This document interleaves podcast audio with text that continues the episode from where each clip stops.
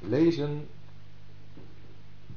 vanaf hoofdstuk 4, vers 14 tot en met 6, vers 12.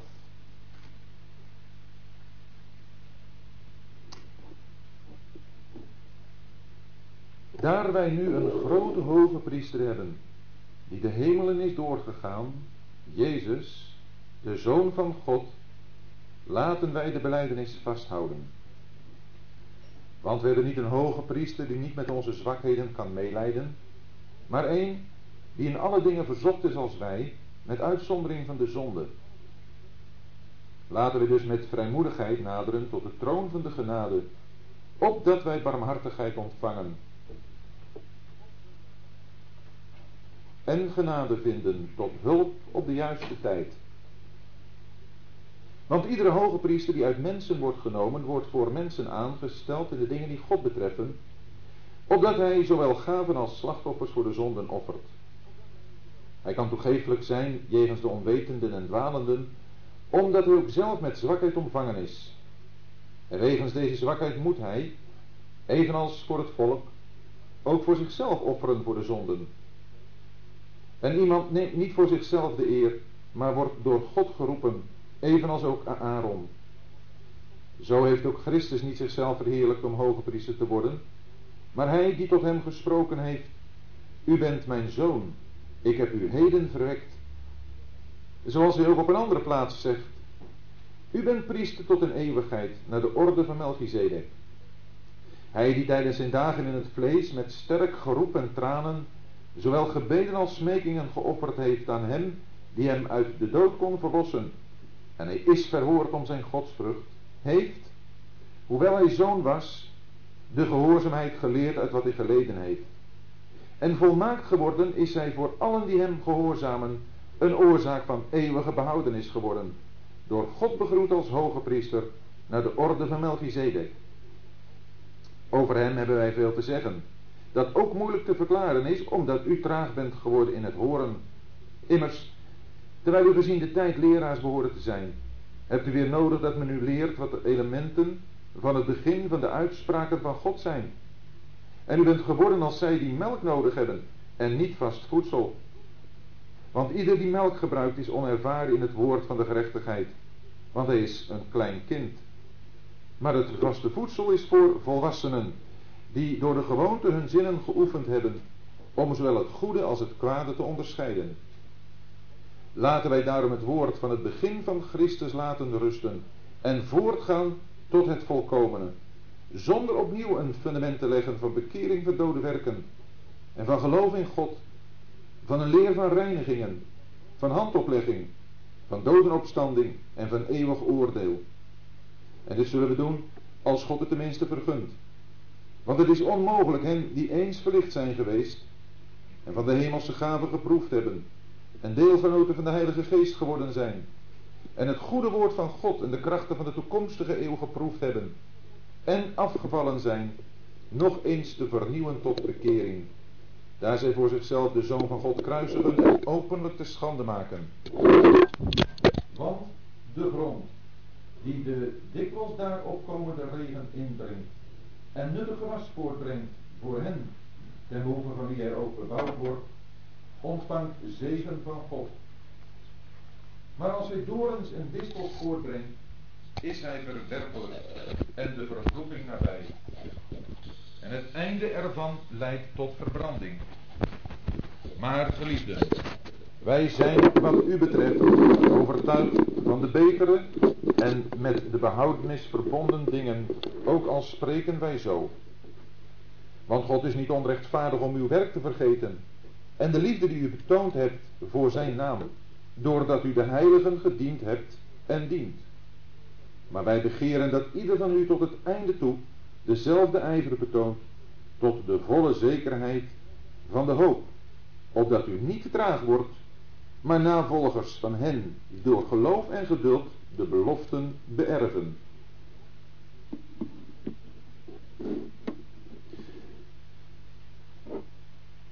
Ja, wij mogen vanavond met elkaar weer wat verder nadenken over de Heer Jezus als de hoge priester. Want dat is het hoofddeel eigenlijk van de brief waar we nu een begin mee hebben gemaakt. Een deel dat doorloopt tot en met hoofdstuk 10, globaal gesproken. We hebben gezien de vorige keer dat God ons verschillende hulpmiddelen gegeven heeft, die we nodig hebben om hier op aarde, die voor ons een woestijn geworden is, voort te kunnen gaan. Om niet om te komen. Om het doel in de gaten te houden en dat doel ook te bereiken. We zijn de vorige keer ermee geëindigd dat het eerste hulpmiddel is het woord van God. En zonder het woord van God, broeders en zusters, jonge mensen, kunnen we niet. En het zal de duivel er alles aan gelegen liggen om jonge mensen, maar ook ouderen, te verhinderen dat ze de Bijbel lezen. Dat ze zich met het woord van God bezighouden. Dat dat woord van God ook zijn werk in hen doet. Want je kunt je best op een hele orthodoxe manier met de Bijbel bezighouden. Je kunt je geregelde stille tijd misschien wel hebben. Je kunt ook je, de samenkomsten bezoeken. Je kunt zelfs met elkaar als jonge mensen geregeld over de Bijbel praten. En toch de kracht ervan niet ondergaan. Maar het is het woord van God dat zijn werk in ons moet doen. Moet kunnen doen. En daar moeten we ons voor openstellen. Als we de Bijbel lezen, dat we ons realiseren, God spreekt tegen mij. En wat God zegt, dat openbaart mij. Dat laat zien wie ik ben van binnen. De Bijbel is daarom een hulpmiddel dat iets vertelt over mezelf. Over wat er in mij leeft. En dat maakt de Bijbel openbaar. De Bijbel is daarvoor een spiegel. En de Bijbel oordeelt wat er in mij leeft. Beoordeelt dat. En als er neigingen zijn, als er een bepaald verlangen weer komt om af te haken, als daar dingen uit de wereld op mij afkomen die een aansluiting vinden in mijn hart, in mijn vlees, en ik lees de Bijbel, dan zie ik, oh dat is niet goed. Dan wil ik dat wegdoen. Dan wil ik die verbinding verbreken. En dan kan ik weer voortgaan. Maar dat is niet het enige waar we een geweldige hulp in hebben. We hebben nu gelezen dat er ook een grote hoge priester is. En die hoge priester die is er niet met het oog op wat wij innerlijk zijn. Dat doet het woord van God dus. Maar die hoge priester die is er met het oog op wat wij om ons heen vinden. Met het oog op de zwakheden. Met het oog op de problemen, de moeilijkheden. Waarvan we denken van hoe komen we daar doorheen? Dan mogen we weten, er is iemand in de hemel die ons wil ondersteunen, die ons wil helpen. En dat is niemand minder dan Jezus, de Zoon van God. Hij wordt genoemd een grote hoge priester. Dat lees je van niet één hoge priester in het Oude Testament. Dat is Hij. Alleen Hij. Het is een grote hoge priester die de hemelen is doorgegaan. Die een overwinning heeft behaald en door God op de hoogst mogelijke manier verheven is. Dwars door alles heen gegaan is om zijn plaats daar bij God in zijn troon in te nemen. Door hem gekroond met heerlijkheid en eer zoals we in hoofdstuk 2 hebben gelezen. Wel, zegt de schrijver, daar wij die hoge priester, die grote hoge priester hebben, Jezus, de Zoon van God, die ons dus doet denken aan Hem, Jezus, de mens die hier vernedering op aarde was, die tegelijkertijd de Zoon van God is. Hij is onze grote hoge priester. Laten wij dan de beleidenis vasthouden. Wij hebben denk ik allemaal in ons leven perioden, mogelijk situaties, waar we door bedenken, maar we halen het eind niet. We komen om. De moeilijkheden, de problemen stijgen ons boven het hoofd. Het loopt ons totaal uit de hand. En dan mogen we weten, we hebben een grote hoge priester. Jezus. Die hier op aarde, en we zullen dat zo nog zien, in precies dezelfde omstandigheden als wij geweest is. Maar die ook is de zoon van God, die dus ook alle macht heeft in hemel en op aarde. En als we dan weer aan hem denken, dan zeggen we, en dan laten we ons aanspreken, we houden de beleidenis vast. Want hij is niet veranderd. Hij is dezelfde. Hij wil ons helpen. En als hij ons wil helpen, dan betekent dat dat alle kracht en alle macht die maar God eigen is, ons ter beschikking staat. Maar maar niet een verheven kracht. Nee, het is één, zoals vers 15 dat zegt, een hoge priester die met onze zwakheden kan meeleiden. Nee, zo staat het er niet. Er staat hier, we hebben niet een hoge priester die niet met onze zwakheden kan meeleiden. Een dubbele ontkenning. Dat betekent, we zouden geneigd zijn te denken, ach die hoge priester, die, die kan niet met ons, die is ver verheven boven ons, die kan niet met ons meeleiden. Nee, zegt de schrijver, zo'n hoge priester hebben we niet. Hij kan het juist wel. Hij die in alle dingen verzocht is als wij. Juist daarom kan hij meeleiden. Hij weet precies wat ieder van ons meemaakt. Hij is zeker één die in alle dingen verzocht is als wij met uitzondering van de zonde. De zonde, daar heeft hij niets mee te maken. Maar wij verwachten en verlangen ook niet iemand die ons kan helpen met uh, ja, ons probleem met de zonden. De zonde, die verafschuwen wij. We willen helemaal niet iemand die ons helpt met de zonde. We willen juist radicaal afrekenen met de zonde. De zonde haten wij. Maar als wij in zwakheid zijn, als we niet meer weten hoe het verder moet, vermoeid, geen enkel idee meer waar we onze hulp vandaan zouden moeten krijgen, dan weten we, hier is er een die dat kent. Hier is er een die weet wat teleurstelling is. Hier is er een die weet wat eenzaamheid is. Hier is er een die weet wat afwijzing is.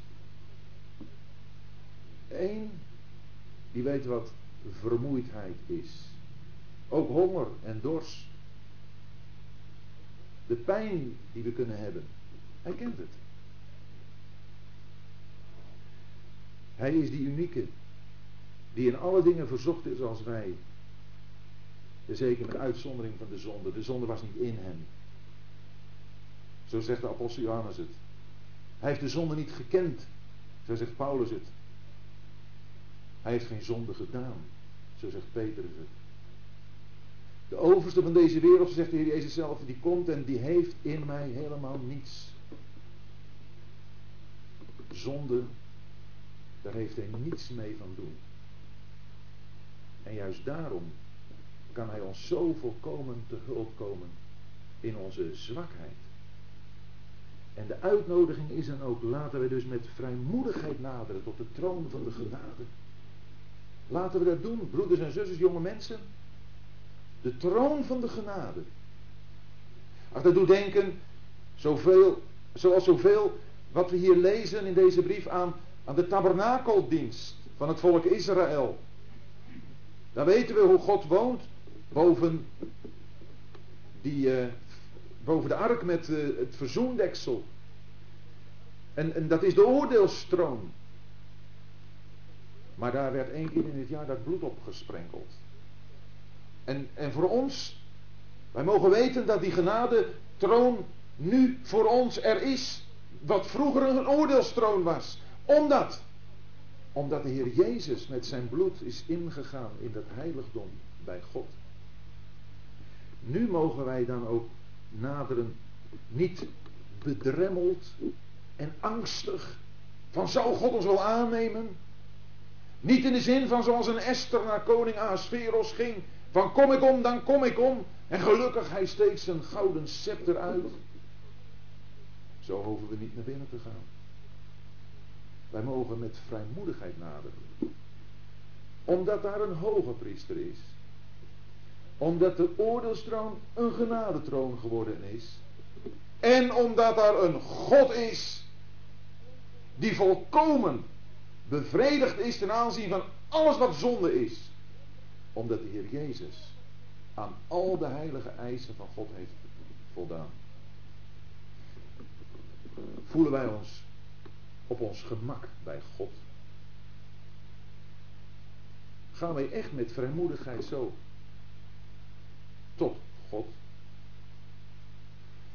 Dat is helemaal niet een, een, een, speciaal gevoel wat je krijgt. Dat, dat mag je gewoon elk ogenblik van de dag en van de nacht mag je dat doen.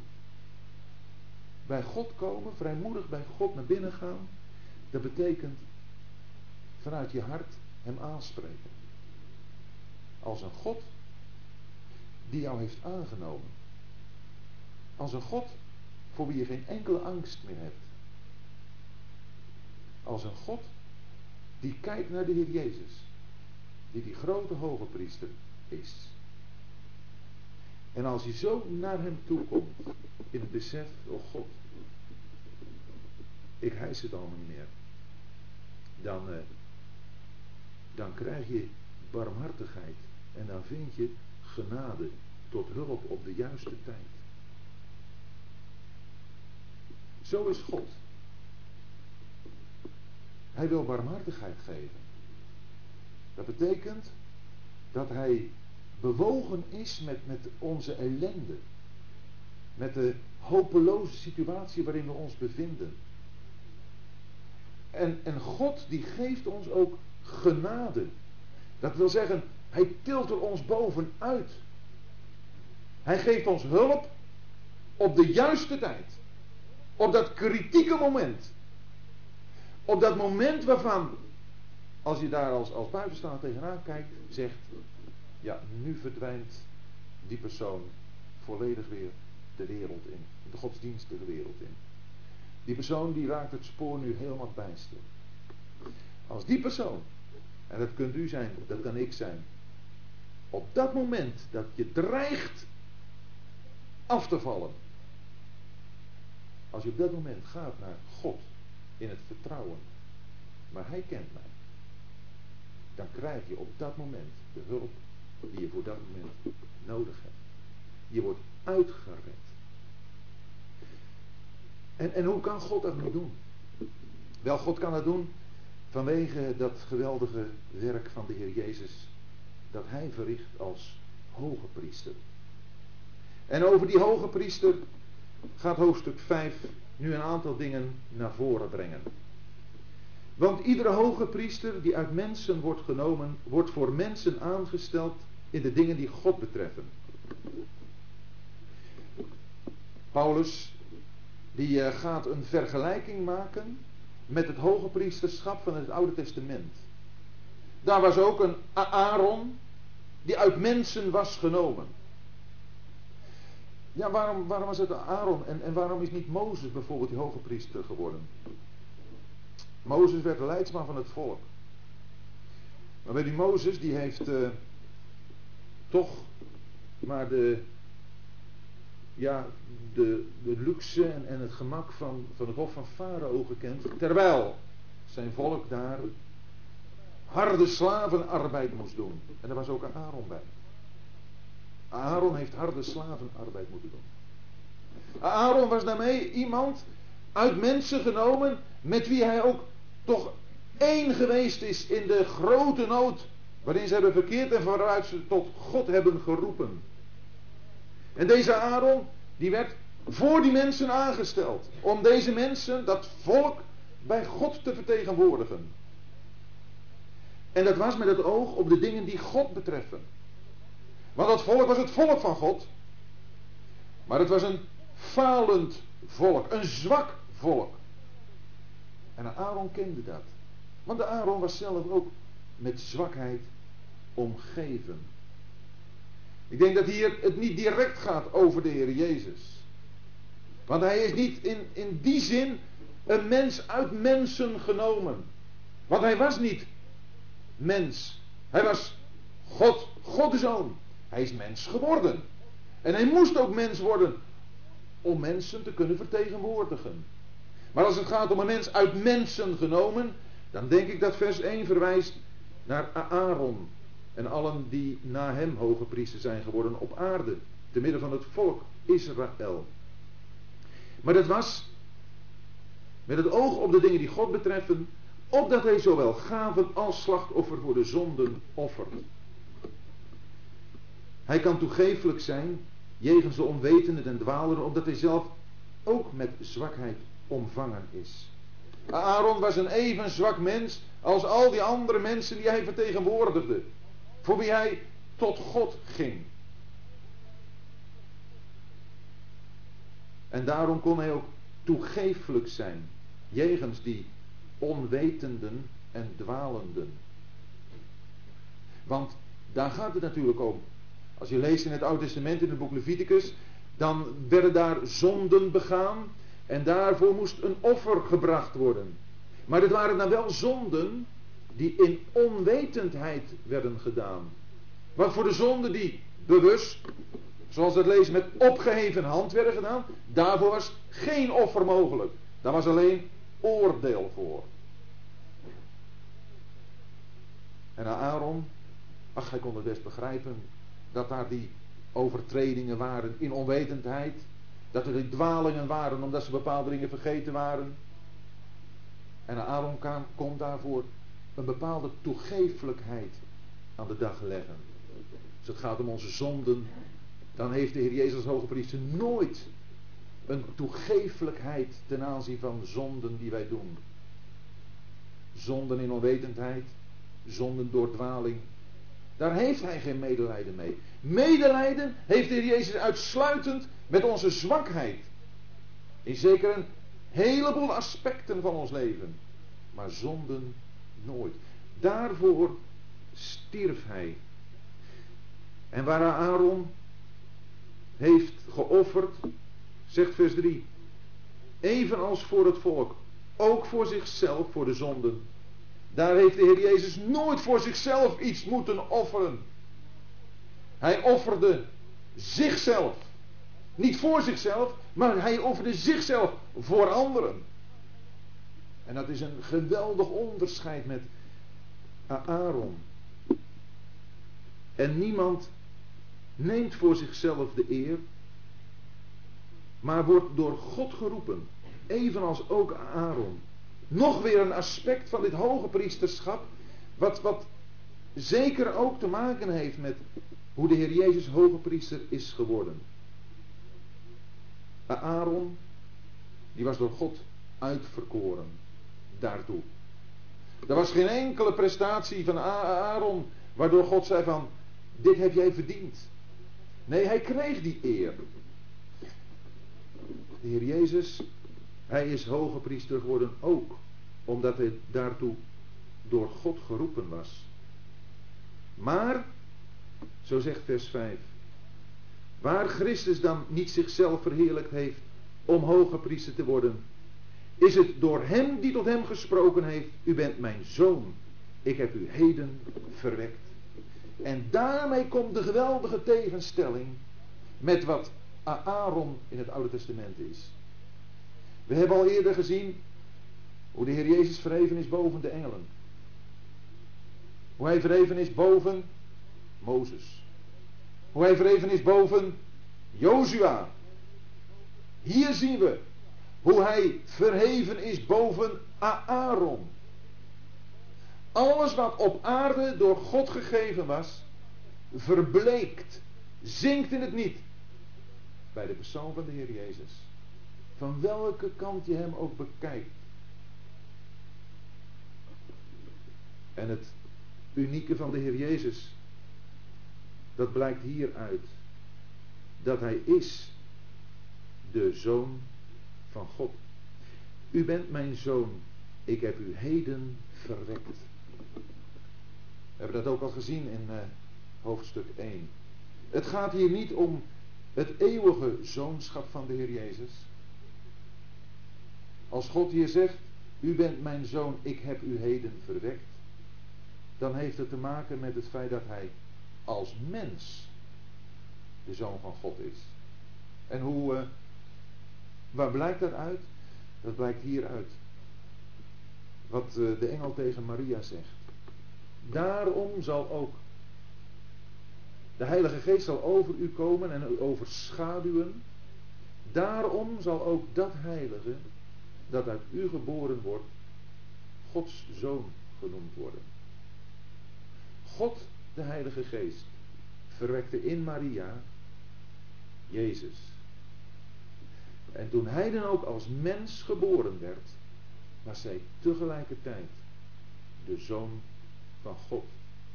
Omdat God hem heeft Hij die eeuwig zoon was, niet geschapen, de enige geboren zoon, uniek.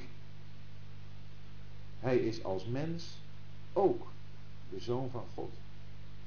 En dat maakt hem als mens ook zo boven alles verheven. En als God tegen hem zegt, u bent mijn zoon, ik heb u heden verwekt, dan is dat met het oog ook dat hij hoge priester zal zijn. Zo staat het in vers 5. En vers 6, die uh, legt daar nog een heerlijkheid bij. Zoals hij ook op een andere plaats zegt, u bent priester tot in eeuwigheid naar de orde van Melchizedek. Dan komen we over deze Melchizedek in hoofdstuk 7 nog uitvoerig met elkaar te spreken. Maar het hoge priesterschap, het priesterschap van Melchizedek, want uh, er is niet sprake van een hoge priesterschap van Melchizedek. Uh, hoge priester, dat is Aaron. Waarom is er daar sprake van een hoge priester? Omdat een hoge priester veronderstelt dat er ook andere priesters zijn. Een hoge priester te midden van andere priesters. Het priesterschap naar de orde van Melchizedek is uniek. Dat is een priesterschap wat de Heer Jezus alleen heeft. Er zijn geen andere priesters naar de orde van Melchizedek. En het priesterschap naar de orde van Melchizedek, dat is een priesterschap, dat kun je denk ik in één woord samenvatten, van zeven. Aaron, dat is een priesterschap van medelijden.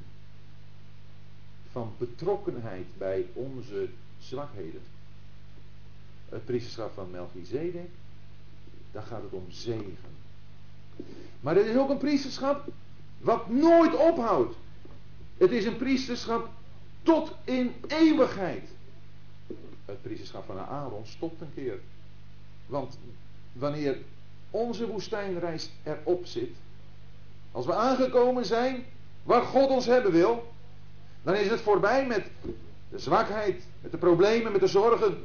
Dan hebben we de Heer Jezus niet meer als een hoge priester nodig die een hoge priesterschap uitoefent, zoals Aaron dat deed. Dan hebben we geen hulp meer nodig. Maar dan is hij nog wel, en dat blijft het tot eeuwigheid, priester naar de orde van Melchizedek. Hij is dus, zegt vers 5, priester, hoge priester, als zoon van God, verwekt. En hij is, zegt vers 6, priester tot in eeuwigheid naar de orde van Melchizedek. Maar dat kon hij alleen zijn. En daarom komt vers 7. Dat kon hij alleen zijn. Wanneer hij aan onze situatie, onze zwakheden deel zou nemen. Dat hij dagen in het vlees zou kennen. Dagen in het vlees waarin hij met sterk geroep en tranen zowel gebeden als smekingen geofferd heeft aan hem die hem uit de dood kon verlossen.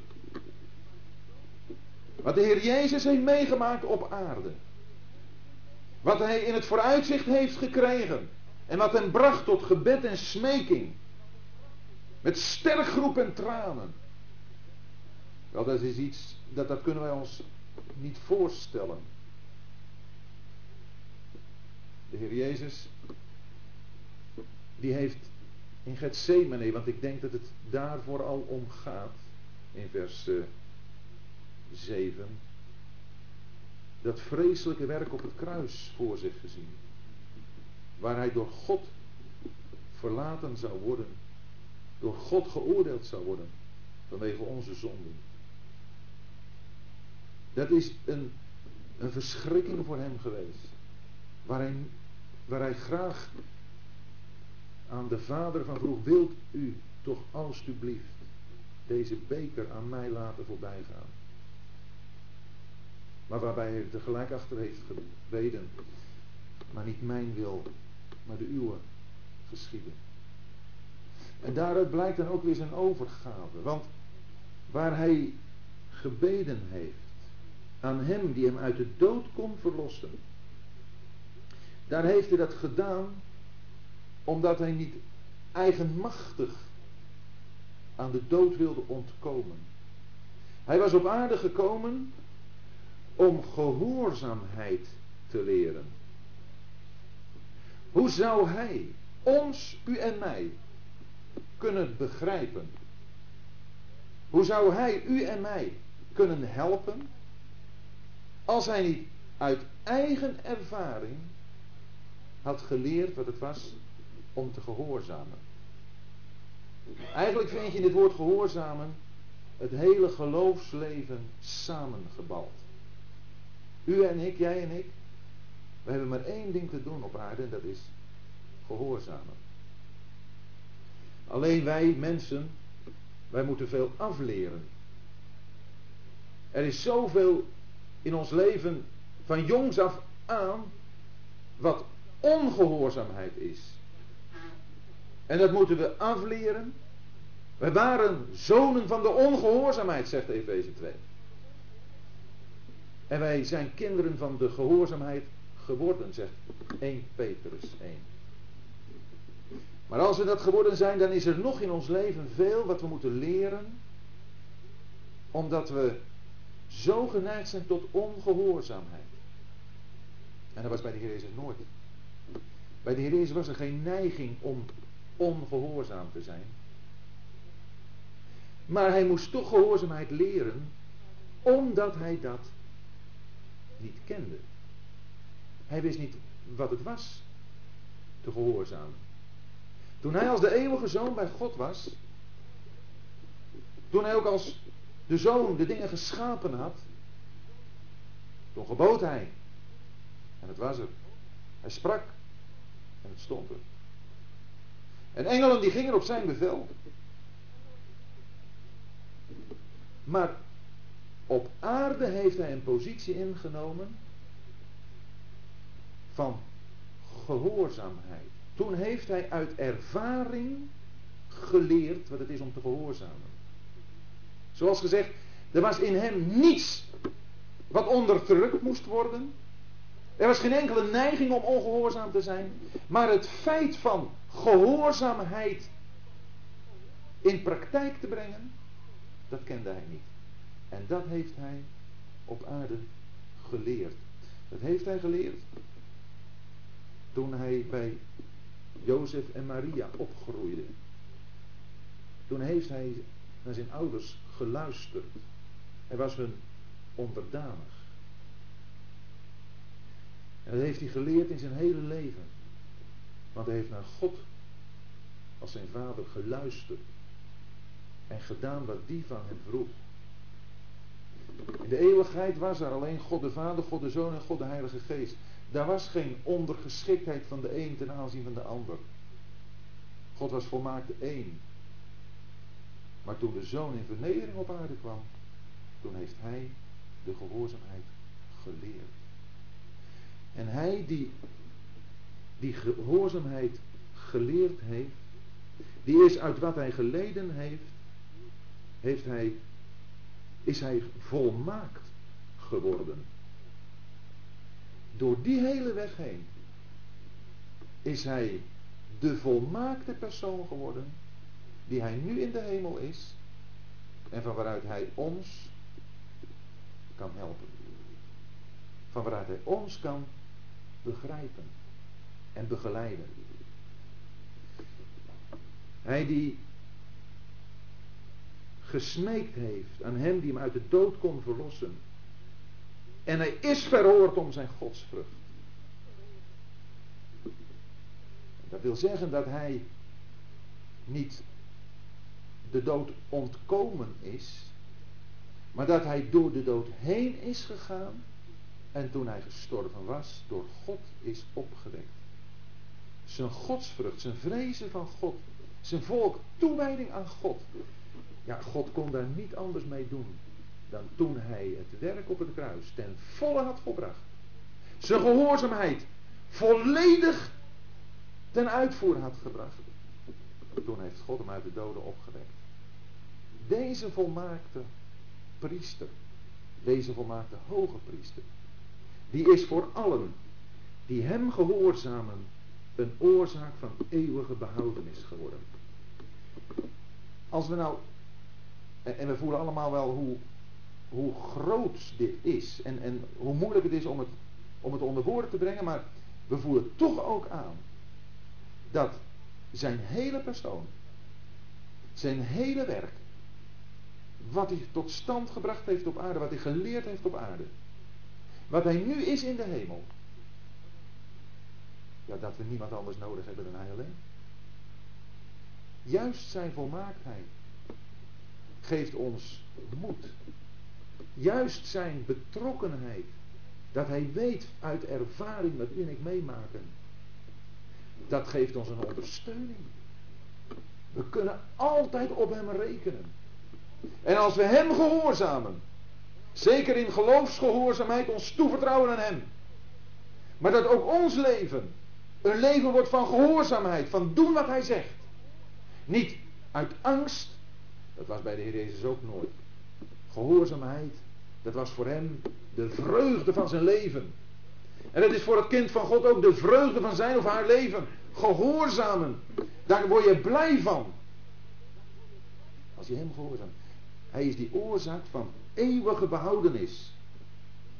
Wie zich aan hem heeft toevertrouwd, die weet dat hij of zij die eeuwige behoudenis zal bereiken. En hij die dat is, die is door God begroet als hoge priester naar de orde van Melchizedek. Dan zijn onze ogen op hem gericht. En dan zien we hem.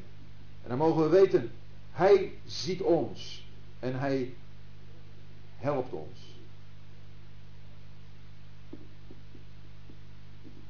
En dan als je daar nu zo helemaal vol van bent, dan lijkt het net alsof je ja, een beetje een schok krijgt als je vers 11 en de volgende versen gaat lezen. We vinden een derde tussenzin hier in deze brief. We hebben in uh, hoofdstuk 1, eh, in hoofdstuk 2 aan het begin zo'n soort tussenzin gehad. Dat zijn van die waarschuwingen. In de eerste verse van hoofdstuk 2 ging het erom, pas op, drijf niet af van het woord van God. In hoofdstuk 3 eh, en 4 hebben we een tweede tussenzin gehad. En dat was een waarschuwing, denk erom, twijfel niet. Twijfel niet aan, aan wat God gezegd heeft. En hier vinden we eigenlijk een soort uh, waarschuwing van, denk erom, Laat, uh, laat het woord van God niet saai worden. Dat het je niets meer zegt. Dat je belangstelling ervoor verflauwt. Over hem, deze Melchizedek, over de Heer Jezus, hebben wij veel te zeggen. Dat ook moeilijk te verklaren is omdat u traag geworden bent in het horen. Deze Joodse christenen die waren traag geworden in het horen. En ik denk dat dat een toepassing rechtvaardigt op zoveel christenen vandaag de dag. Die traag geworden zijn in het horen. Waar dingen heel vlug moeilijk voor zijn. Het moet tegenwoordig allemaal snel. Het moet gemakkelijk. En het moet alsjeblieft niet te lang duren allemaal. Je een klein beetje bezighouden met een bepaald onderwerp uit de Bijbel. Dat uh, gaat vlug te diep. Er wordt er gezegd, nee dat, uh, zo hoef je er toch niet mee bezig te houden. Het is moeilijk te verklaren, zegt uh, Paulus. Niet omdat het aan hun intellect ontbrak. Het lag ook niet aan de kundigheid van Paulus om de dingen uit te leggen. Het lag aan de instelling van deze Joodse christenen. Misschien onder druk van de omstandigheden van hun ongelovige volksgenoten. Want ze werden verdrukt. Het was moeilijk voor hen. Te leven in geloof terwijl je een hele godsdienst die je kon zien, die je kon tasten, die je kon meemaken. Waar je, ja, waar je wat aan had, hè. Nou ja, het is uh, vandaag de christenheid zo niet anders. Veel toeters en bellen. Veel lawaai. Veel indruk. Veel wat zichtbaar is. Ja, dat doet het. Want onze gevoelens moeten aangesproken worden, nietwaar? Onze zintuigen moeten het uh, naar hun zin hebben. Maar het alleen geloven. En dat is wat Paulus in deze hele brief doet. Hij richt de harten van deze Joodse christenen altijd maar weer op Christus. Op de werkelijkheid. Maar en als de werkelijkheid gekomen is, dan hebben de schaduwbeelden, maar dat zijn het. Het zijn schaduwbeelden. Dan hebben die schaduwbeelden afgedaan. Al zijn ze nog zo tastbaar. Maar het is voorbij. De werkelijkheid is Christus. En de neiging, juist in de christenheid van vandaag, die is om weer terug te gaan naar het tastbare, het zichtbare, het spectaculaire. En uh, dat doet het. Maar dan verlies je uit het oog dat het gaat om één die in de hemel is en niet gezien wordt. Dan verlies je uit het oog de hemelse roeping. Die beleidenis, we zijn er vanavond mee begonnen in vers 14, eh, die houden we dan niet meer vast. Want we denken dat we het toch op aarde kunnen hebben. We kunnen het op aarde niet hebben. Het is onmogelijk. En het maakt je traag om te horen. Traag. Je gaat je er niet meer voor inzetten. Immers, terwijl u gezien de tijd leraars behoort te zijn, hebt u weer nodig dat men u leert wat de elementen van het begin van de uitspraken van God zijn. En u bent geworden als zij die melk nodig hebben, niet vast voedsel. Als de neiging is om, om weer open te gaan staan voor uh, allerlei uiterlijk vertoon, dan uh, worden je oren toegestopt voor de werkelijke dingen. En dan word je als baby's. Nu is het helemaal niet verkeerd om een baby te zijn. Als je pas bekeerd bent, dan ben je een baby. En dat is helemaal geen schande, dat is normaal. Maar als dat na verloop van tijd nog zo is, dan is het niet normaal, is abnormaal. En Paulus zegt hier, jullie zijn weer geworden als degene die melk nodig hebben. Kijk, als Petrus zegt, wees als pasgeboren kinderen zeer begeerig naar de onvervalste redelijke melk van het woord, dan is het een verlangen wat ieder kind van God behoort te kenmerken. Net zoals een baby verlangt naar de melk, zo moeten u en ik verlangen naar het woord. Maar dat betekent niet dat wij ons als baby's moeten gedragen. En dat wij, waar het woord ook vergeleken wordt met vastvoedsel, dat wij altijd maar melk, het woord als ja, iets heel gemakkelijk en licht verteersbaars moeten nemen. Nee, naar de tijd gerekend zouden we leraars moeten zijn. Broeders en zusters. Dat betekent helemaal niet zusters gaan leren. Maar dat betekent dat we als broeders en zusters de dingen van de Heer met elkaar kunnen delen elkaar kunnen vertellen over Hem, die ons alles is, naar wie we op reis zijn.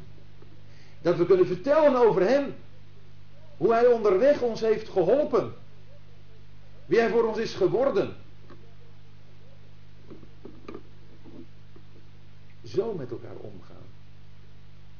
En niet maar steeds terug naar die allergemakkelijkste, eenvoudigste beginselen. Het is werkelijk ontmoedigend om soms te merken hoe mensen op een bepaald niveau blijven hangen.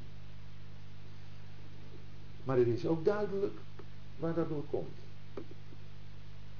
Want je ziet bij zulke mensen nooit enige interesse in persoonlijke bijbelstudie.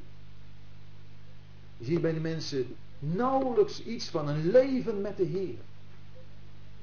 Oh ja, natuurlijk. Ze geloven wel, maar op hun eigen manier.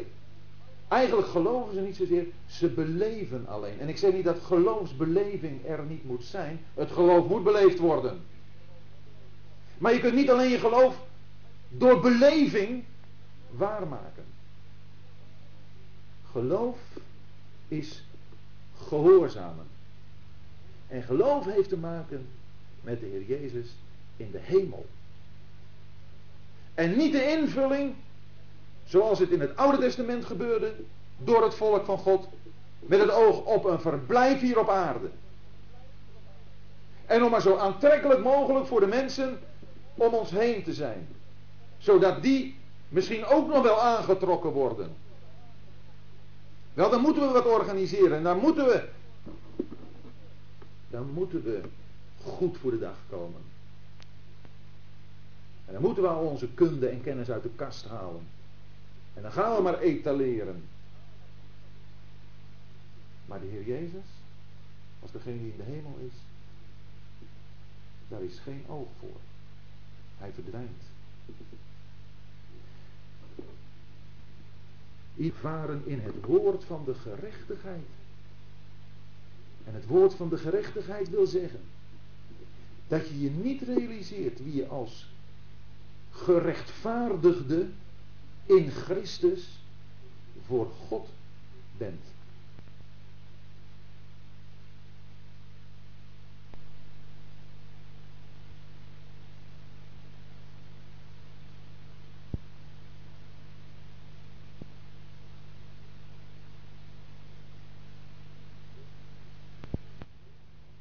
een heleboel problemen, ook psychische problemen. Die zouden, ik zeg niet verdwijnen, maar toch, daar kun je beter mee omgaan als je je gaat realiseren aan de hand van de Bijbel wie je bent in Christus voor God. Paulus, die was het er om te doen, zegt Colosse 1, om ieder mens volmaakt te stellen in Christus. Als je je gaat realiseren, bedenken, dat je dat in het geloof mag aanvaarden. Hè? Dat je gerechtvaardigd bent voor God in Christus. Dat God je helemaal heeft aangenomen, geaccepteerd. Zoals je bent. In Christus. Dan komt daar ook het besef van, maar ik ben aanvaard. Ik ben aanvaard door God. Goed dat wij elkaar daarin ook moeten stimuleren.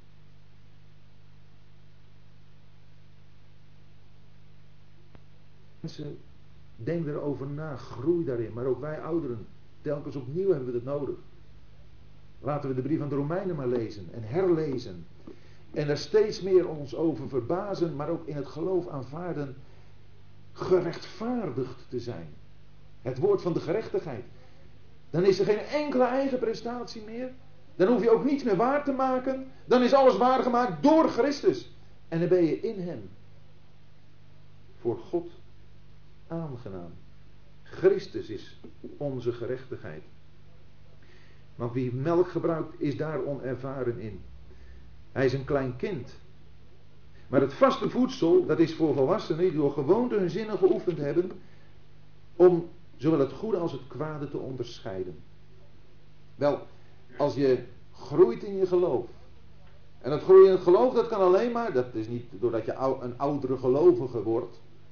Groeien in het geloof betekent je met het woord bezighouden. Daarin lezen. Dat tot je laten spreken. Dat in je leven in praktijk willen brengen. Dat met andere mensen willen delen. Met de mensen om je heen. Van je klas. Van je werk. Je omgeving. Je broeders en zusters. Je, het is net om, om dingen te delen van de Heer alsof dat een bepaalde stemming vereist. Een vrome bui. En uh, een bepaald tijdstip misschien van de dag of van de week. Terwijl dat het is. Wat we hier op aarde hebben. Als enige. We hebben niets anders. En als we ons met het woord bezighouden, dan is het iets wat ons helemaal doortrekt. En wat zijn uitwerking vindt in al onze activiteiten. Dan is er geen enkele activiteit in ons denken en in ons handelen die daar los van kan staan, die daar niet door beïnvloed wordt. En nu zeg ik het eigenlijk een beetje te zwak, die daar niet zijn oorsprong in vindt. Wij zijn helemaal niet voor Jan Lang levende lol. Wij zijn hier voor Christus. En dat betekent niet dat we met een lang gezicht moeten lopen. Maar de inhoud van ons leven, waarbij zo vaak moet worden onderscheiden tussen goed en kwaad. En de keus voor het goede moet worden gedaan. Die wordt bepaald naar de mate dat wij ervaren zijn in het woord van de gerechtigheid. Die wordt bepaald door de mate waarin wij het vaste voedsel tot ons hebben genomen. En dan is er niemand die kan zeggen, ja maar dan gaan we boven de pet. Dat tip ik niet aan. Iedereen die heeft het vermogen zich in te zetten voor wat hij interessant vindt. En we hebben allemaal onze verschillende interesses. En in aards opzicht is er ook op zich niets mis mee als daar een stuk ontspanning in ligt.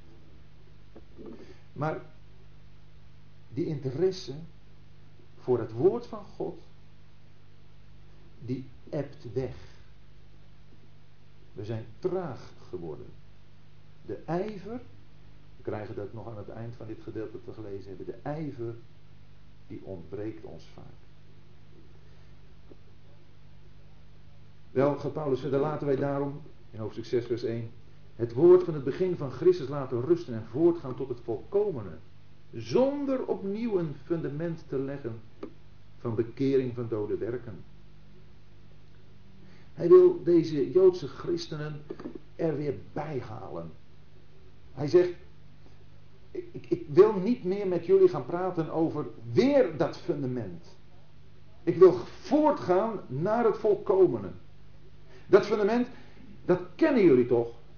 Dat had toch te maken met bekering van dode werken. Ook Joodse christenen die wisten van werken die dood waren. En dode werken wil zeggen werken die voortkomen uit ons vlees. Dan gaat het niet eens over boze werken. Maar dan gaat het over werken in eigenwilligheid gedaan. Misschien zelfs om God te dienen. Kain, toen hij met een offer kwam van zijn eigen arbeid, die bracht een, of die deed een dood werk. Hij vroeg niet wat God wilde, hij diende God op zijn eigen manier. En God dienen op je eigen manier, dat zijn dode werken. Die hebben geen leven, want als je luistert naar God, dan geeft hij je dingen te doen die leven in zich hebben. En ook leven tot uitwerking hebben. En van geloof in God, ook in het Oude Testament, werd het leven bepaald door geloof in God, door geloofsvertrouwen op God. We krijgen in hoofdstuk 11 een hele lange lijst met mensen die allemaal geloof in God hadden.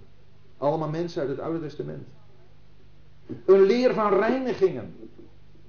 Niet een leer van dopen, zoals sommige vertalingen dat geven. Er zijn hele leergebouwen opgegrond op de leer van dopen.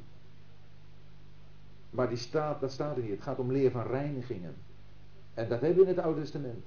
Wassingen, het wassingen van de offers, wassingen van de priesters. Het zijn allemaal van die leerstellingen van het Oude Testament. Van handoplegging. Wel, ook dat is een bekend verschijnsel in het Oude Testament. Als er dieren geofferd werden, dan werd door degene die dat dier offerde, de handen op dat dier gelegd. Tot eenmaking daarmee. En van dodenopstanding. Ook dat was bekend in het Oude Testament. Dat, dat, is niet iets nieuws. Dat is niet pas gekomen met Christus. Dat was in het Oude Testament, bekend. Was het Martha niet in Johannes 11 die het zei? Heer, ik weet dat hij zal opstaan. Waar wist ze dat van? Dat wist ze. Van het Oude Testament. En van eeuwig oordeel. Het laatste vers van het boek Jezaja spreekt over dat eeuwige oordeel. Paulus zegt, daar ga ik niet opnieuw over praten. Dat heeft zijn tijd gehad. Dat fundament ligt. Maar we willen voortgaan naar het volkomene. En dat volkomene, dat is Christus. En zegt hij, dit zullen we doen. Als God het tenminste vergunt. Oh, hij wil zo graag met deze Joodse christenen over dat volkomene gaan praten. En als God daarvoor de mogelijkheid geeft, dan gaan we dat doen, zegt hij. Maar hij gaat nog even deze Joodse christenen aanspreken, en, en dat gebeurt ook naar ons toe, over de mogelijkheid dat je toch, dat je toch helemaal teruggaat naar dat van vroeger. Als je dat doet, dan eh, betekent dat afval, zegt vers 6.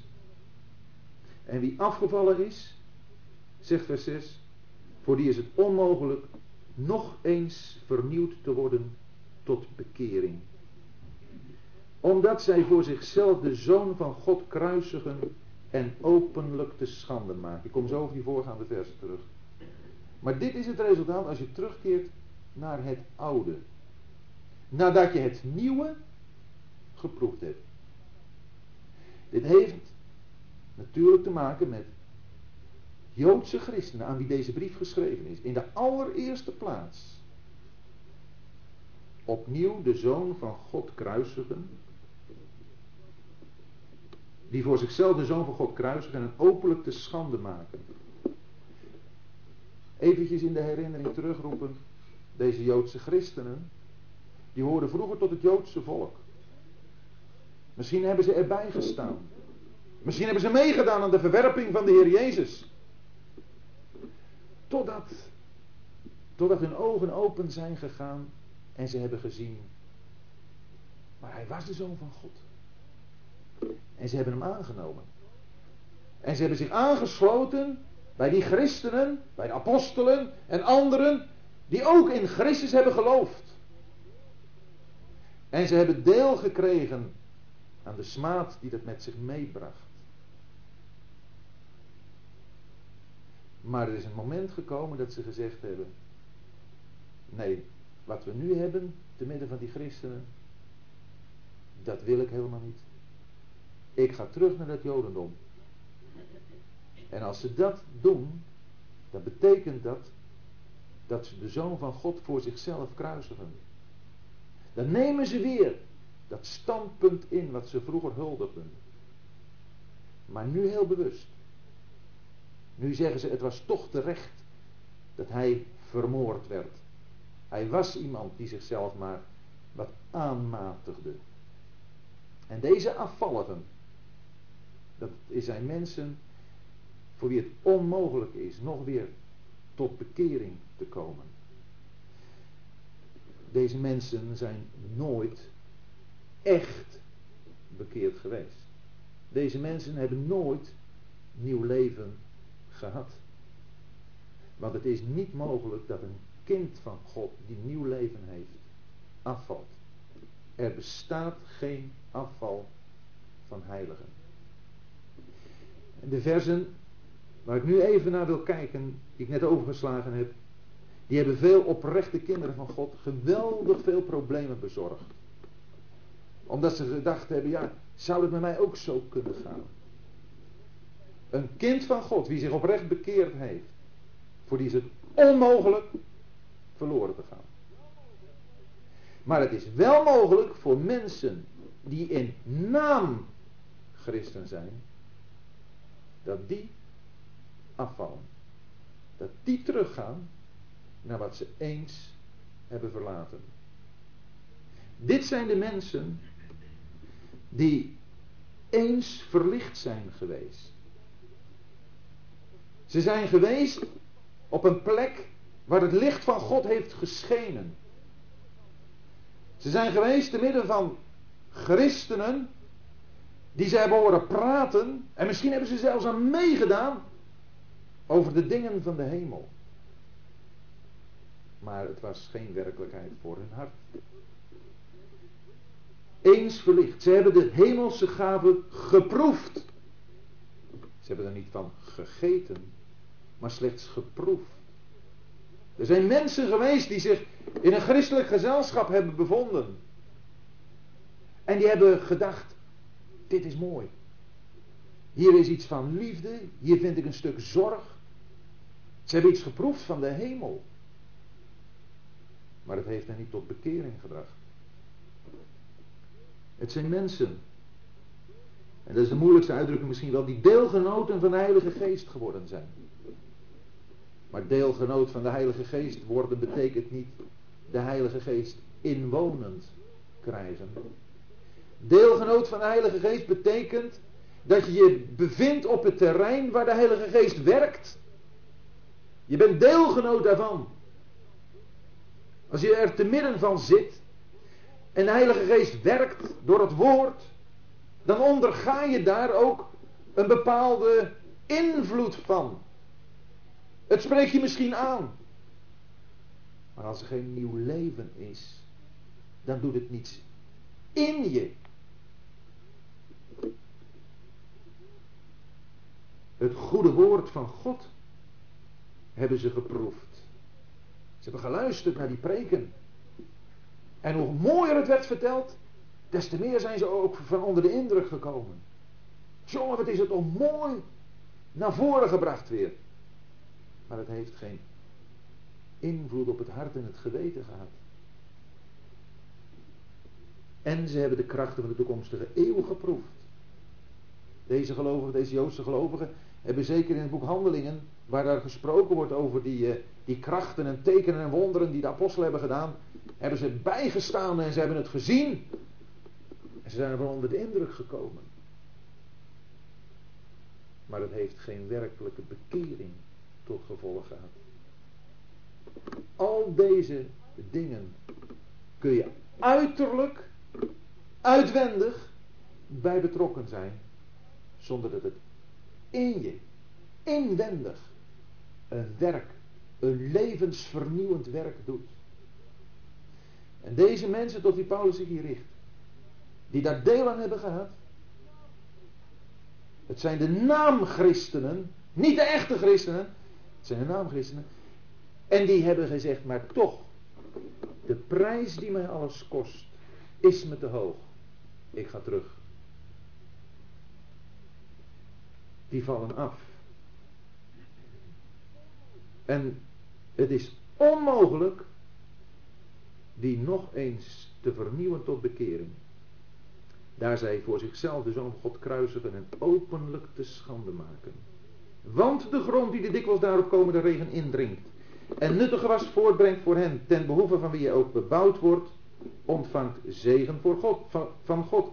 Maar als hij door een dissels voortbrengt, is hij verwerpelijk en de vervloeking nabij en het einde ervan leidt tot verbranding. Paulus gaat hier door een, voorbeeld duidelijk maken hoe dat zit. Die versen 4 en 5, die zijn als het ware als een regen. Die zegen van God, die komt als een regen neer. Op de grond. En die grond, dat zijn de harten van de hoorders. Als die hoorders bekeerde mensen zijn, mensen met nieuw leven, dan doet het in hen iets. Maar als die mensen, en, dan brengt het iets voort voor God, dan brengt hij nuttig gewas voort. Maar als die mensen onbekeerd zijn, geen leven uit God hebben, dan brengt hij dorens en distels voort. En dan is die verwerpelijk en de vervloeking nabij. En het einde ervan leidt tot verbranding. Het is maar, wat is de grond van onze harten? De grond van mijn hart. De grond van uw, van jouw hart. Als daar die regen op komt, dan zal er een resultaat komen. Dat resultaat komt. Kan lang duren, kan kort duren. Maar dat resultaat komt. Iemand die zich te midden van de christenen bevindt en geen echte christen is, haakt een keer af. Want die regen van het woord, die regen van de werking van Gods geest, bewerkt, geeft een uitwerking. En dat wordt zichtbaar. In degenen die echt leven uit God hebben, komt daar iets voort wat voor God is. In degenen die geen leven uit God hebben, komen er dingen in voor, komen er dingen uit voort die leiden tot verbranding, tot een volkomen verwerping. Wat het algemene gezelschap betreft, tot wie Paulus zich richt, zegt vers 9. Maar geliefde, wij zijn wat u betreft overtuigd van de betere met de behoudenis verbonden dingen, ook al spreken wij zo. Dat is een, een opluchting voor dit gezelschap. Maar die enkeling, die moet zich aangesproken weten. Tussen de discipelen was er één Judas. Het is zo belangrijk. Ook Judas is aangesproken. En als Judas verloren is gegaan, dan is dat zijn eigen schuld. De Heer Jezus heeft op het laatste moment hem willen aanspreken. Judas heeft niet gewild.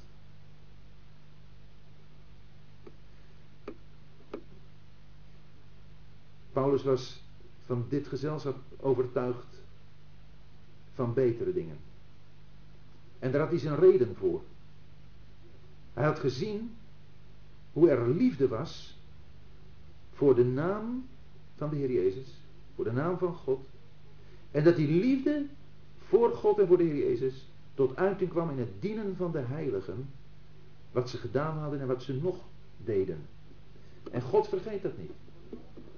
Weet u, geloofswerken, dat zijn niet spectaculaire dingen, waar de mensen over spreken, waar de kranten vol van staan, christelijk of niet christelijk.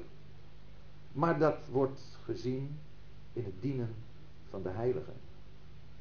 Dus als wij elkaar dienen, in alle eenvoud, in onopvallendheid, dan wordt het door God waargenomen.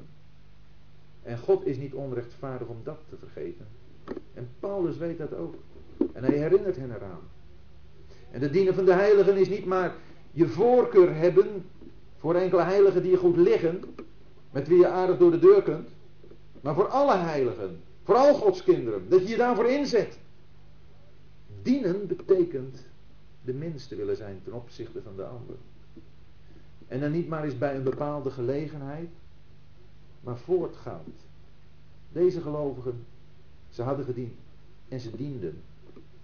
Er was liefde. Maar wij begeren dat ieder van u tot het einde toe dezelfde ijver betoont. Tot de volle zekerheid van de hoop. Dat is zoals gezegd niet iets waar je mee moet ophouden. Maar je moet mee doorgaan. Volharding, dat is zo belangrijk. Telkens weer worden we er in deze brief aan herinnerd. Dat we moeten voortgaan. Vol moeten houden. Dezelfde ijver betonen. Opdat u niet traag wordt maar navolgers van hen die door geloof en geduld de belofte beërven. Weer dat niet traag worden. Ze waren traag geworden in het luisteren. Als je traag wordt in het luisteren, dan duurt het maar even of je wordt ook traag in je werken. Dan komt er ook van je christelijke praktijk niets terecht. Luisteren en doen hoort bij elkaar. Niet luisteren, dan doe je het ook niet. Het is in het hele onderwijs toch zo dat, dat je moet eerst iets leren, je moet eerst iets horen om te weten hoe je het moet doen voordat je het kunt gaan doen. Maar als je niet meer luistert, dan komt er ook in de praktijk niets van terecht. En zo is het voor het christelijk leven ook. Ijverig, tot de volle zekerheid van de hoop zijn. Maar ook niet traag worden in het eh, doen van wat ons gevraagd wordt maar navolgers van hen die door geloof en geduld de belofte beërven. En in het volgende gedeelte gaat Paulus daar een voorbeeld van geven. Van iemand die door geloof en geduld de belofte heeft beërfd. En u en ik, geloof en geduld, dat zijn de dingen die we nodig hebben.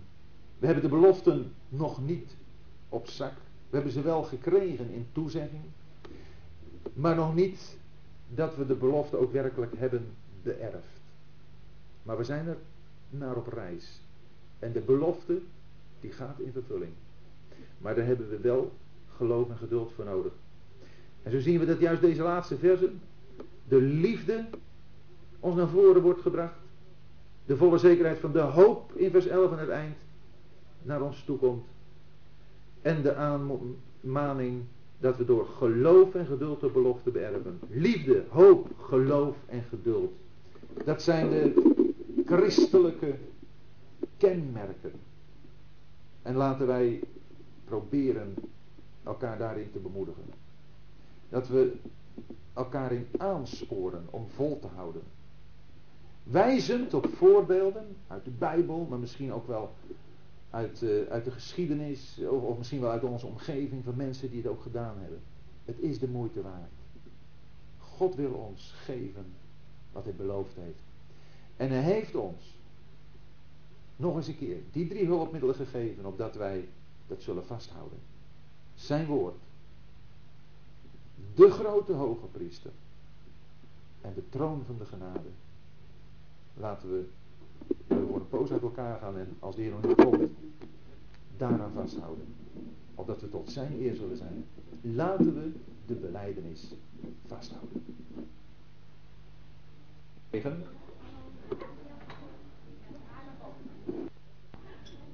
Dat is een vraag over het onderscheid tussen zonde en zwakheid. Zonde is alles wat niet naar Gods wil is. Veel van onze zwakheden zijn niet naar Gods wil. Bijvoorbeeld gebrek aan vertrouwen, geloof, ongeduld, zien op omstandigheden in plaats van op Hem. Deze zwakheden heeft de Heer, zeer waarschijnlijk, nooit gekend. Aan welke zwakheden moeten we denken? Hebreeën 4, vers 15 en 5, vers 2. Ja, kijk, eh, als hier staat: veel van onze zwakheden zijn niet naar Gods wil, dan moet ik daar toch van zeggen dat waar zwakheden, bepaalde zwakheden niet naar Gods wil zijn, je denk ik toch niet kunt spreken van zwakheden. Want wat niet naar Gods wil is, is zonde. Als we zouden zeggen gebrek aan vertrouwen is niet naar Gods wil, dan denk ik dat we moeten zeggen dat het zonde is. En ik denk ook dat uh, als het gaat om zonden, dat iets is wat we moeten beleiden.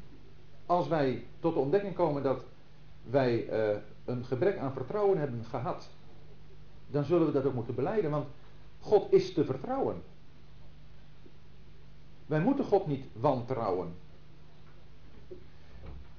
En het is fijn dat de Heer Jezus voor ons de voorspraak is bij de Vader om ons dat ook indachtig te maken, om ons daarop attent te maken.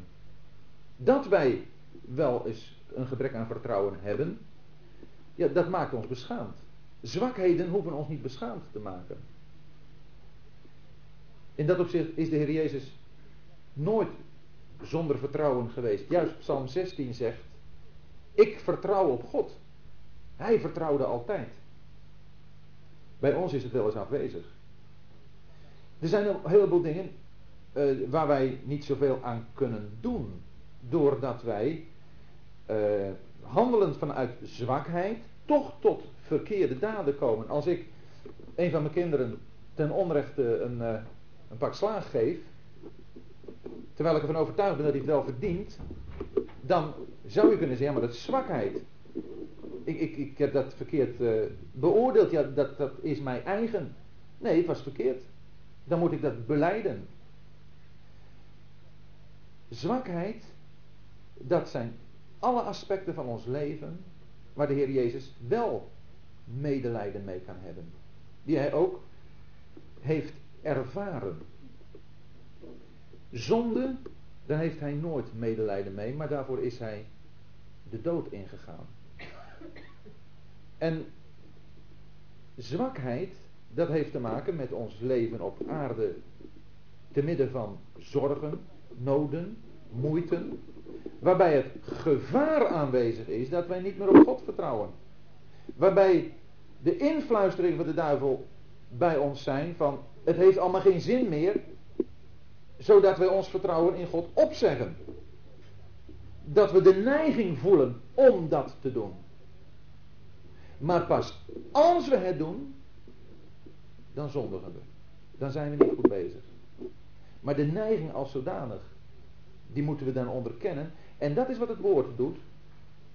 Die oordeelt alle overleggingen en gedachten van het hart. En die maakt dat duidelijk. Zodat wij tot dat zelfoordeel komen. Dat wij ons afwenden. Toen de Heer Jezus in de woestijn verzocht werd.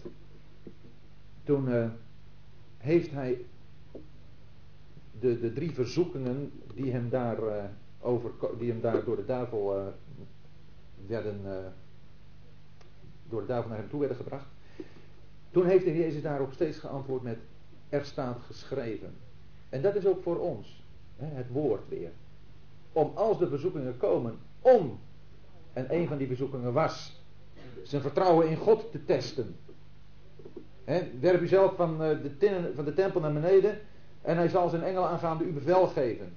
Dan zegt hij, er staat geschreven. En met zulk soort uh, influisteringen van de duivel zullen wij telkens het woord moeten hanteren. Dan komt het woord ons tegemoet met hulp en zegt, hier staat het, niet toegeven. Dat moeten we dus afweren. Maar omstandigheden van het leven die we zo heel moeilijk het hoofd kunnen bieden, die kunnen wij niet afweren, daar moeten we doorheen. En daar kunnen we doorheen, omdat we iemand hebben die er al voor ons doorheen is gegaan. Iemand die ons dan ook helemaal begrijpt. Die ons daarin ook dus kan helpen. En ik heb al even iets gezegd over eenzaamheid, teleurstelling, afwijzing. Maar dit is allemaal van de kant van mensen. Dat zijn allemaal omstandigheden. Toen de Heer Jezus in Jezaja 49 zei, te vergeefs heb ik mij afgemat. Ijdel, te vergeefs mijn kracht gebruikt. Toen gaf de Heer daarmee een uiting aan een teleurstelling dat het leek alsof hij gekomen was en zijn werk nutteloos was. En dan krijgt hij van God het antwoord. Het is me te gering dat je zou zijn alleen maar een licht op voor Israël. Ik zal u stellen tot een licht voor de volkeren. Dan geeft hij daarmee geen uiting aan twijfel ten opzichte van God. Maar geeft hij uiting aan een teleurstelling. En die teleurstellingen die kunnen wij ook kennen. En die teleurstellingen die we hebben en uitspreken, daar komt God naar ons toe om ons te zeggen, maar het heeft wel zin. Al, al kun je op dit moment misschien de bedoeling van iets niet uh, inzien, begrijp je niet waarom bepaalde dingen je overkomen, vertrouw mij maar. Ik heb er mijn bedoeling mee. Er is niets in jouw leven dat geen zin heeft. Tot dat vertrouwen wil hij ons brengen. En daarin is de Heer Jezus wel een voorbeeld. Hij heeft over het kruis heen gezien op de vreugde die hem voorgesteld was. Want het was natuurlijk vreselijk voor hem om tot het zijne te komen en de zijnen hebben hem niet gekend. Ze hebben hem niet aangenomen. Dat was vreselijk. En zo kan er ook in ons leven iets zijn. Kunnen wij misschien voelen we hebben gefaald, we zijn mislukt. En toch zegt de Heer, ik heb er mijn bedoeling mee. Je hoeft daarin niet zo volledig ontmoedigd te raken dat je mij vaarwel zegt. Bij ons is er ook vaak een, uh, een verantwoordelijkheid aan verbonden. Dat wij zelf door verkeerde beslissingen ergens in terecht gekomen zijn waar we niet in wilden zijn. Dat was bij de Heer nooit. En we hebben het gelezen, hij heeft de gehoorzaamheid geleerd. Altijd is hij gehoorzaam geweest. Altijd is hij in de weg van zijn vader geweest. Maar als we hebben beleden wat verkeerd is. Hè, dus onze bijdragen aan de situatie waardoor we zeggen, ja inderdaad, het is mijn fout. Als we dat beleden hebben, dan mogen we weten, het is weg. Beleidenis is weg. Weg met de zonde. De verhouding met de Vader is weer in orde. Maar God, die verhouding met God, die is door de zonde niet verstoord in die zin van, al mijn zonden heeft de Heer Jezus al gedragen op het kruis. De zonde die ik deed tot aan mijn bekering, ook de zonde die ik heb gedaan na mijn bekering, ook de zonde die ik, als God het niet verhoedt, nog doe voordat de Heer komt. De heeft al mijn zonden gedragen. En tussen mij en God is er daarom niets. En daarom is het zo geweldig belangrijk dat we ons oefenen in het woord van de gerechtigheid. Dat wij telkens meer gaan begrijpen van onze plaats voor God. Dat God tussen God en mij er echt niets meer is als het gaat om zonden. En dat God nu met ons een weg gaat hier op aarde, waarbij hij de Heer Jezus als de grote hoge priester voor ons inzet om ons te helpen die weg te gaan en het niet op te geven. Want er zullen talloze problemen komen in ons leven die uh, tot gevolg kunnen hebben dat wij de wedloop van het geloof opgeven. Dat we zeggen, we houden het mee op. En dan is de Heer Jezus er om te zeggen, die gevoelens als het ware, die, die ken ik. Maar ga door. Niet dat ik uh, getwijfeld heb om op te geven, maar ik weet hoe moeilijk het is. Ik weet wat voor een hindernissen er in je leven kunnen zijn. En ik kan begrijpen dat die ontzettend moeilijk te overwinnen zijn. Maar Hij is degene die ons juist dan tegemoet komt. Juist dan wil helpen. Juist dan met zijn hulp de rechte tijd hier ondersteunt. Nou, en, en dat zijn de zwakheden waarmee we allemaal te maken hebben. Ieder op zijn eigen terrein. Ieder in zijn eigen omstandigheid. Zijn eigen uh, familie. Zijn eigen werkkring. De schoolsituatie. We hebben er allemaal mee te maken. Maar de Heer Jezus wil erbij zijn. Die zwakheden, die kent Hij. Zonden. We hebben uh, het vlees nog in ons. Dat had de Heer Jezus niet. De Heer Jezus had het, kende het vlees niet. He, zoals gezegd, en dat moeten we steeds goed uh, onthouden. De Heer Jezus is niet uit uh, Jozef geboren, een zondige vader. De Heer Jezus is door God verwekt. En op grond daarvan de zondeloze mens. De mens zonder zonde, zonder zondige natuur.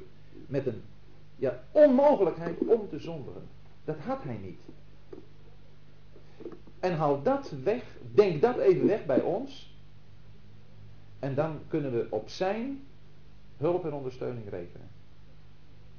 Maar inderdaad, soms is het een beetje moeilijk om, om de grens te bepalen tussen zwakheid en zonde. De neiging is, en ja, dat proef ik ook hier een beetje te, te gemakkelijk iets wat zonde is, zwakheid te noemen. Ik zeg niet dat dat uh, bewust is, maar ik, ik, herken dat voor mezelf ook. Maar toen ik er even over nadacht, dacht ik, nee, gebrek aan vertrouwen is zonde. We kunnen er begrip voor hebben. Een aardse hoge priester kon u met zoiets begrip hebben. Wij kunnen met elkaar daar begrip voor hebben. Dat wij God wel eens niet vertrouwen. Dat we God niet geloven. Want daar kunnen we elkaar uh, best in aanvoelen. Maar de Heer Jezus niet. De Heer Jezus kende dat niet. Hij was volkomen op God geworpen van de baarmoeder af, zo staat er. Op u ben ik geworpen, van de baarmoeder af. En uh, ja, dat, dat was voor hem zijn hele leven. Moest ik niet zijn in de dingen van mijn vader? Dat was voor hem zijn hele leven. Zo werd dat gedaan. En waar wij ons begeven buiten de gemeenschap met God, buiten de gemeenschap met de Vader, daar gaan we eigenwillige weg. Als wij leven in gemeenschap met God, met de Vader, dan zullen ook wij die ervaringen opdoen die de Jezus ook opdeed. En wordt het moeilijk, dan zullen we ook merken dat Hij bij ons is. Om ons uh, te helpen en te ondersteunen. Ik hoop dat ik een beetje tegemoet gekomen ben aan, aan de vraag. Voorbestaan dat het uh, niet zo eenvoudig is. Maar belangrijk is toch dat we het onderscheid tussen zwakheid en zonden zien. En dat zonde, zoals hier ook staat, alles is wat niet naar Gods wil is.